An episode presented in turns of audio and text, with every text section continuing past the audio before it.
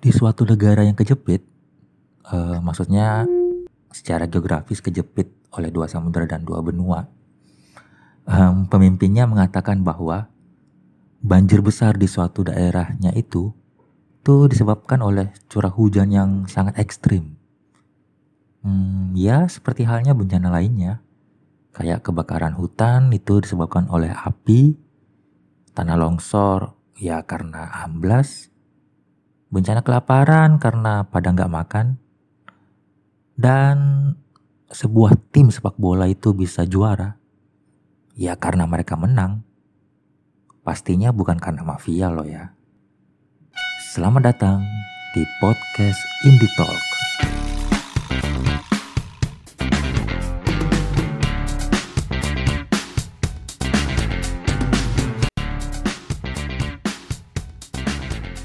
Yap, halo. Um, tahun baru dengan format dan nama yang baru. Walau yang ngomong masih orang-orang yang lama ya. Masih ada Evan dan Kang Yono. Halo semua. Halo, halo, halo. Baik. Mantap sekali. Kita bisa mulai podcast lagi ini. Iya, ya. iya, lama eh. Setahun deh. Udah udah mau berakhir nih masa trial tahun ini. Terus ini masuk Januari kan nggaknya lagi trial kan. Iya. Habis itu masuk trial berikutnya lagi. Trialnya perpanjang, extend. Cuma bedanya kalau biasanya trial terus kita masih bisa batalin. Kalau ini trialnya hmm. bukan bukan buat batalin. Buat ke lebih siap mental nggak lanjutin gitu kan. Itu dia.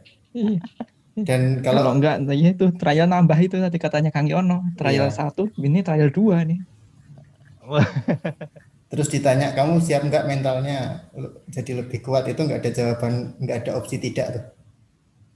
Hanya opsinya ya. Kalau tidak shutdown kan. ya ya ya ya benar benar benar. Tapi tadi openingmu bagus juga itu. Wes. boleh lah ya, boleh lah ya sebagai ya, pembuka ya. Boleh banget ya kan. Mantap, opening langsung uh, to the point. Ya, uh, podcast kita kali ini hmm, formatnya baru, namanya baru, uh, biar lebih fresh aja. Jadi rencananya sih kita tayang secara mingguan di weekend dan kita omongin hal-hal yang lagi happening nggak mesti trending juga sih nggak mesti. Ya kira-kira yang menarik lah buat kita omongin dan yang pastinya ya kita cukup mengerti lah untuk dibahas ya. Kalau nggak ngerti ya jangan lah diomongin. Iya sih. Ntar malah kita yang diomongin gitu kan. Iya. Eh, itu tiga orang sok tahu. Padahal kan kita nggak sok tahu ya. jadi trending gara-gara itu kan. Oh gitu. Iya. Cara tercepat untuk menjadi terkenal adalah trending Wah. dulu. Uh, iya, trending kontroversial. Eh. bulan ini bisa dibilang di Januari itu banyak udah banyak kejadian yang menarik perhatian ya. Utamanya sih soal hmm. bencana alam. Terus ada juga kan kecelakaan hmm. pesawat. Yep. Uh, tentu saja kita ikut turut berlangsungkawa ya atas korban jiwa akibat bencana tersebut. Dan kita berdoa sih bagi para korban yang masih bisa bertahan itu tentunya bisa dapat kekuatan dan hak-hak mereka sebagai warga bisa segera terpenuhi lah. Jangan hmm. sampai iya, dipersulit. amin, amin. Terutama kita-kita ini yang yang mungkin belum bisa turun langsung membantu, minimal jangan memperkeruh keadaan gitu kan. Iya, udah keruh soalnya. Sudah keruh. Apalagi di sosmed nih Wah, penuh dengan berita bencana alam tadi masih keruh juga diperkeruh dengan yang lain-lain gitu kan. Iya ya. Tapi Wah, bagaimanapun sosmed ini tempat hiburanku sebenarnya. My playground, tempat bermain di sosmed. WFH kan? Memviralkan. Karena WFH terus aku nunggu yang viral apa nih. Oh.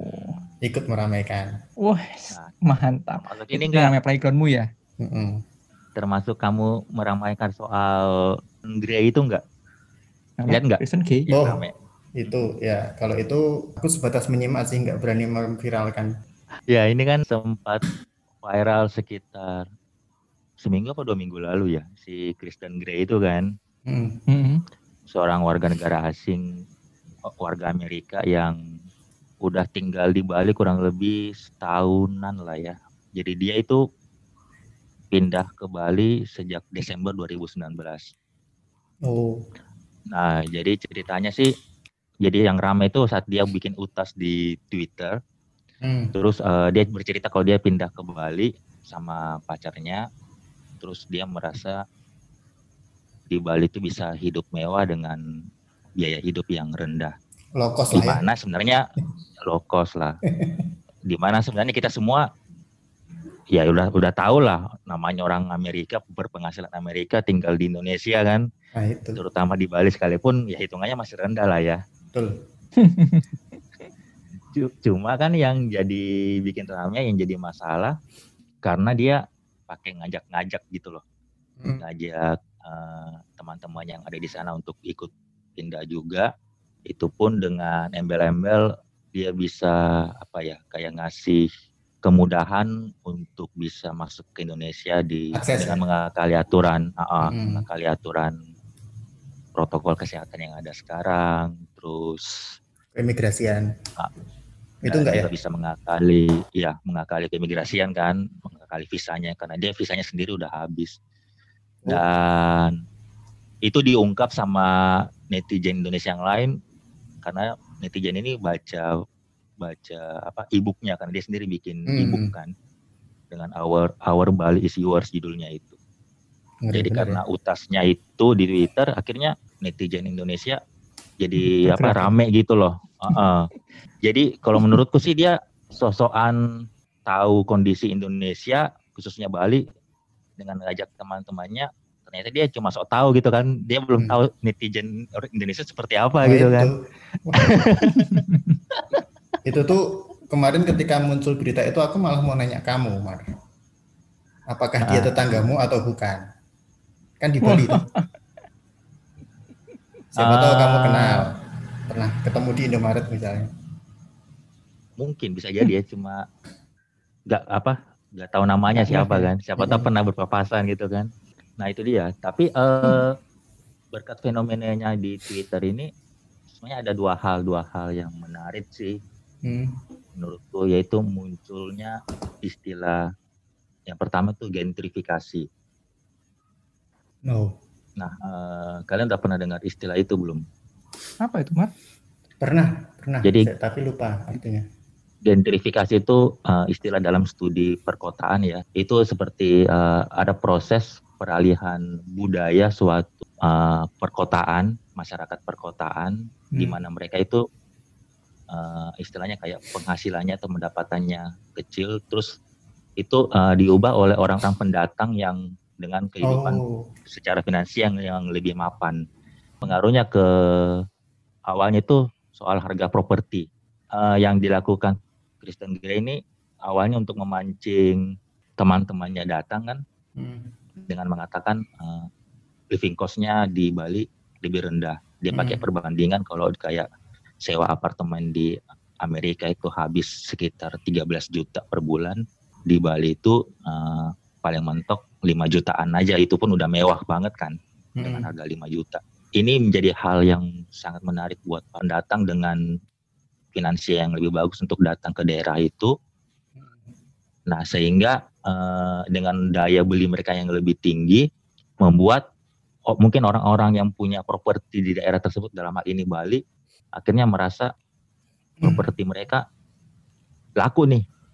Hmm. Yang mungkin juga tadinya hanya harga 2-3 jutaan per bulan dengan harga 5 juta 6 juta pun sama orang luar masih masih terbeli gitu kan masih masuk ya.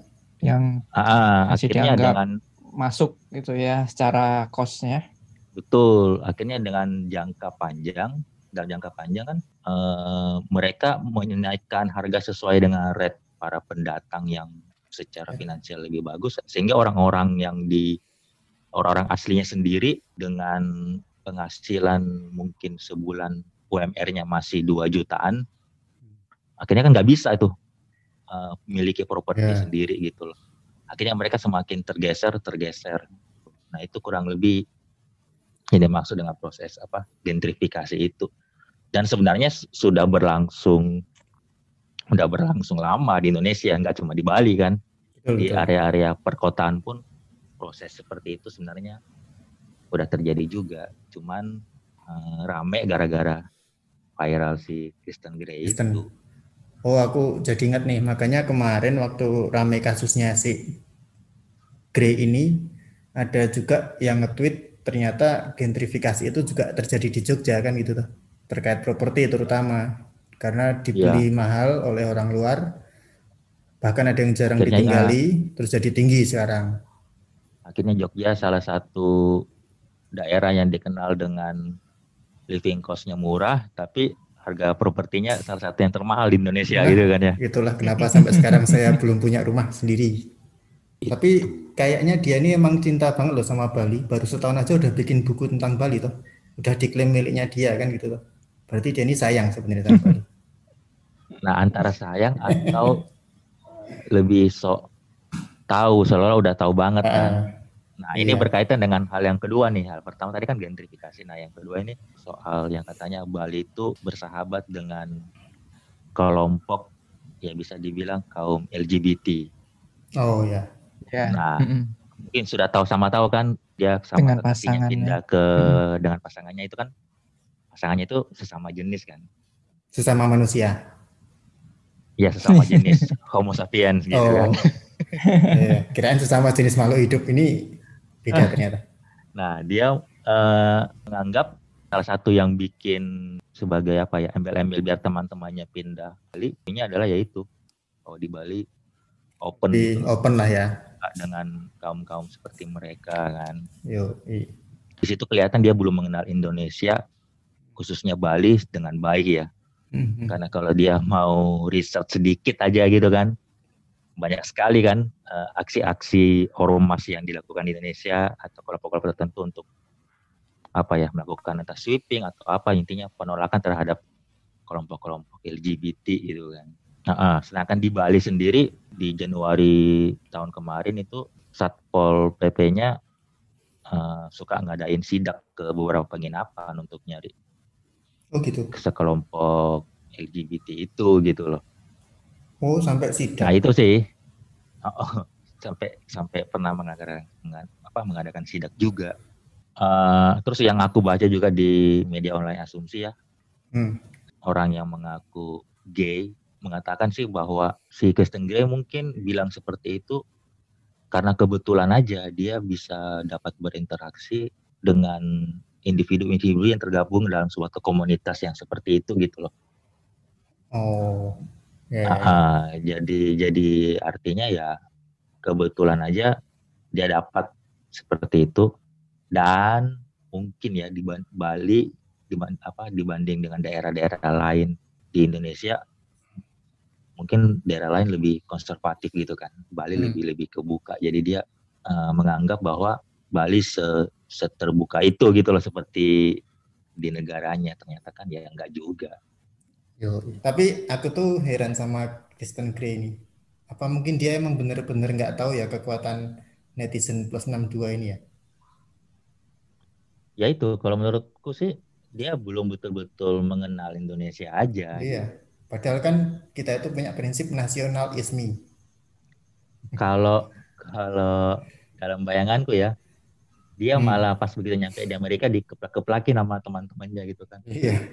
Ah, ya lu apa baru mau ke sana gitu kan. Lu sih pakai rame di sosmed gitu kan. Kamu nggak mungkin si Chris sendiri apa si Chris sendiri ini nggak nggak nyangka gitu loh bakal ada orang Indonesia yang beli buku apa beli e-booknya dia dan baca gitu hmm. uh, kemudian besar seperti itu. Dia nggak nyangka ini apa uh, yang mungkin pikiran pikirannya si Chris sendiri bahwa segmen yang akan membeli buku ini adalah orang-orang yang apa di uh, senegara rekan-rekan senegaranya atau mungkin circle-nya dia lah ya pokoknya. Ya, pokoknya serius circle-nya dia. Ternyata kok ada yang beli itu loh dan baca. Ya udah, apesnya dia aja sebenarnya. Iya. Dan nggak nyangka uh, itu. Sebenarnya yang dilakukan Grey itu jamak gitu loh Oh. Cuma menurutku yang akhirnya bikin rame sama karena kondisinya pandemi terus dia hmm. seolah bisa menya, menyediakan jalur jalur sutra dari Amerika ke sutra, Indonesia ya, iya kan jadi ingat pelajaran yang sekolah. kedua uh, yang kedua ada isu LGBT-nya LGBT.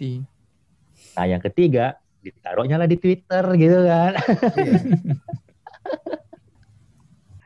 ya udah hmm. uh, kita lanjut uh, yang selesai lah dulu yang trending-trending di sosmed. Kayaknya Kang Yono mau bahas sesuatu hmm. yang enak juga kita bahas. Pengen ngajak ngobrol Liga Inggris nih. Kan dulu kita pernah bikin podcast ya sosokan pandit lah kita nih ya, bikin prediksi. Hmm? Prediksi Liga Inggris oh, terus episode 2 ya kalau nggak salah ya. Iya, episode 2. Iya, nah, ternyata tanpa terasa Toto udah tengah musim nih kan. Kemarin aku nyoba dengerin lagi nih prediksi kita dulu gitu ya. Dan ternyata banyak sekali hal yang mm-hmm. terjadi selama setengah musim ini gitu kan.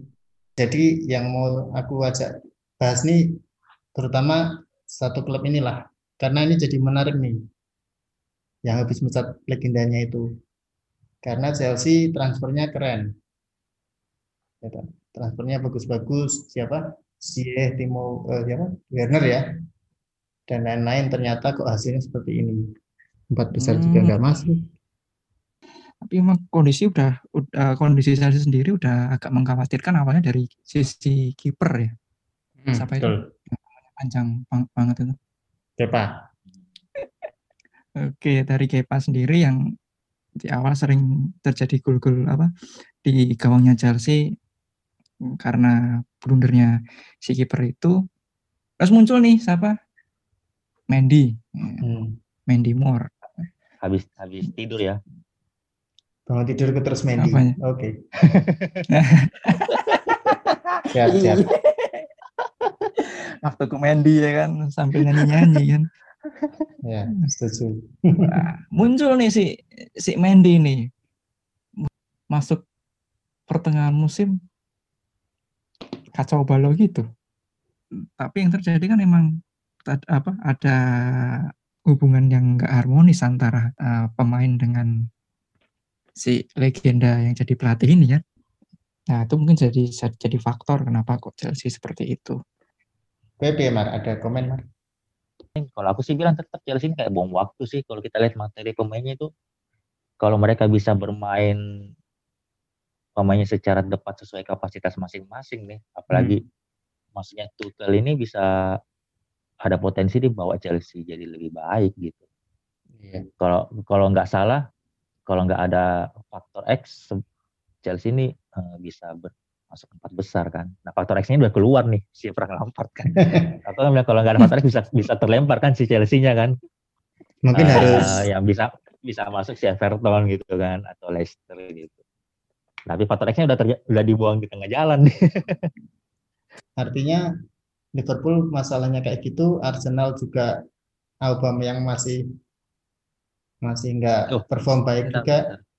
Gimana gimana? Ini ngomongin Arsenal ngapain? Kita dari oh. awal nggak ada ngomongin Arsenal. Oh gitu ya? Di awal nggak ada masukin empat besar. Ya. Yang ada yang titi ya? Ada titi. ada. Titi, titi ada. Morris juga sama masukin empat besar. Kakak, kakak adik itu emang penggemar Arsenal semua itu.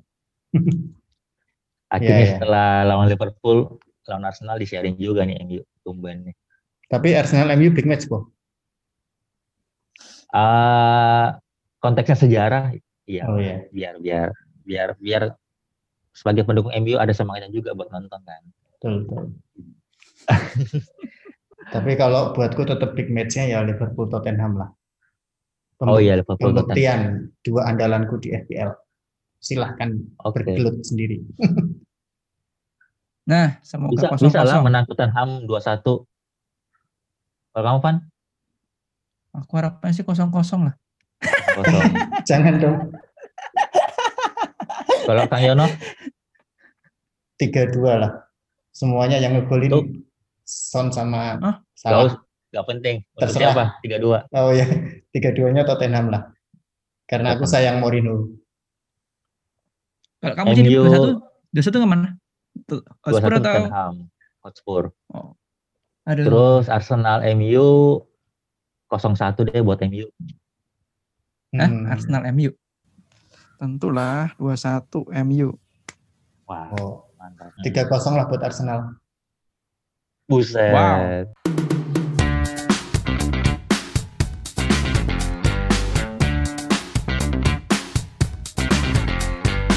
Ya, itu tadi perbincangan kita mengenai apa yang cukup menarik untuk kita bahas ya, yang terjadi belakangan ini. Tadi sempat kita bahas soal eh, istilah gentrifikasi gitu kan. Hmm. Bikin aku jadi teringat sama ada satu series Hmm. ya sitcom lah, sitcom Kanada. Judulnya Shit Creek. Bisa ditonton di kebetulan aku nontonnya di Mola TV sih. Jadi yang bikin itu kalau kalian para penikmat American Pie, Apa itu? kalau yang, legend yang ya? yang yang belum pernah nonton American Pie itu masa remajanya suram dah kayaknya. Aku cuman ingat Stifler itu.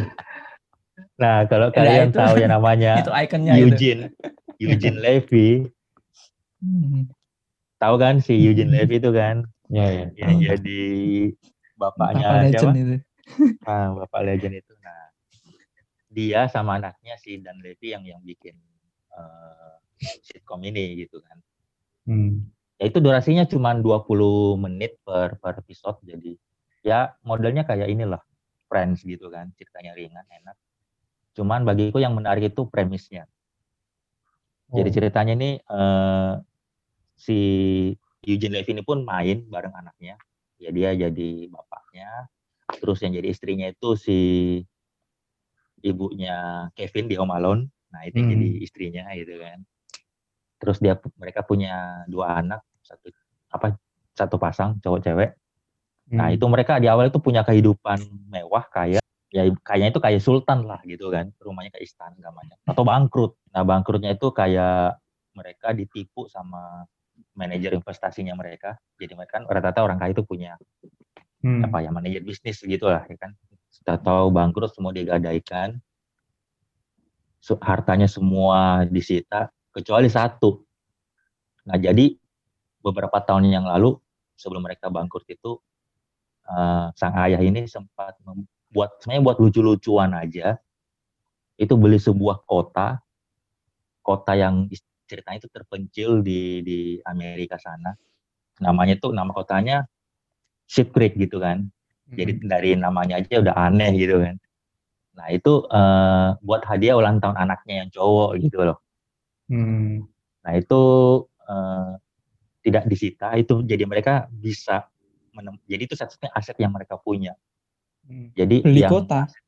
iya jadi aset yang mereka beli hanya buat lucu-lucuan ternyata itu yang disisakan buat mereka jadi mereka sekeluarga pindah ke kota itu dan memulai sebuah kehidupan baru yang ya tahu sendirilah karakter si Eugene Levy ini di American Pie seperti apa absurdnya ya udah ceritanya ya selanjutnya ya absurd itu sendiri nah itu nah ngomong-ngomong soal nonton film nih kalian nonton film pertama di 2021 film apa sih kalau aku nonton ini Finding Dory di Disney Finding Hah? Dory. 2021. Hmm. iya Awal tahun. di tahun ini di tahun ini di awal tahun. Ingat nggak nonton film apa pertama? Aku masih masih maraton nonton One Piece. oh malah nonton One Piece ya? Malah rencana mau ini Disney Plus. Belum jadi karena oh ini masih masih nonton One Piece jadi takutnya nggak nggak ketonton. Aku juga sempat uh, pending perpanjang Netflix karena itu kan uh, habisin Sweet Creek itu kan di Mola TV. Terus akhirnya beli lagi akun Netflix gara-gara ada film ini Lupin. Hmm. Kalau Lupin. bacanya sih Lupong gitu kan. Kan Hmm. film toko Perancis kan. Ya. Nah, jadi bagi yang nggak Mhm. tahu Lupin ini bisa dibilang kan tokoh fiksi populer tandingannya Sherlock Holmes. Sherlock Holmes betul. Ah, dan dia uh, inspirasi dari karakter Kit di Detektif Conan si Lupin ini kan. Conan. Mm-mm. Uh, Sherlock bikin orang Inggris, kalau Lupin yang bikin orang Perancis kan. Bahkan Hmm. si kalau nggak salah namanya Maurice Leblanc kalau nggak salah kan. Bahkan si Maurice ini sempat bikin karakter Sherlock Holmes tuh masuk di novelnya di Lupin kan, Sherlock Holmes versus Lupin kan. Hmm. Tapi Sir Arthur Conan Doyle malah gak terima gitu di sempat di untuk menghapuskan nama Sherlock Holmes itu. Gitu. Nah, itu dibuat filmnya di Netflix. Ceritanya adalah bukan bukan Lupin tapi seseorang yang terinspirasi dari karakter Lupin karena baca novel itu kan. Hmm. Terus karena terinspirasi itu teknik-teknik yang dipakai Lupin di novel yang dia baca itu dia pakai buat ngerampok museum yang terkenal di Paris itu. Itu serial ya? Serial. Kang Yono apa nih ditonton nih? Jangan-jangan masih ngelanjutin Sailor Moon ya? Enggak, kok itu udah berhenti kemarin. Karena udah tamat. Yang ku tonton Oh, iya? pertama apa ya? Oh itu. Yang bilang kamu tonton pertama live streaming Zoom lagi. Enggak, enggak, bukan. Berita COVID, oh itu bukan film. Hmm, sinetron Turki. Jadi Oh. pas nyetel TV, apaan sih ini? Oh, sinetron Turki gitu kan, Hercai. Oh yang di Net TV itu. Mm-mm. Terus Hmm. gini banget sih ceritanya. Eh, tak tonton terus habis itu.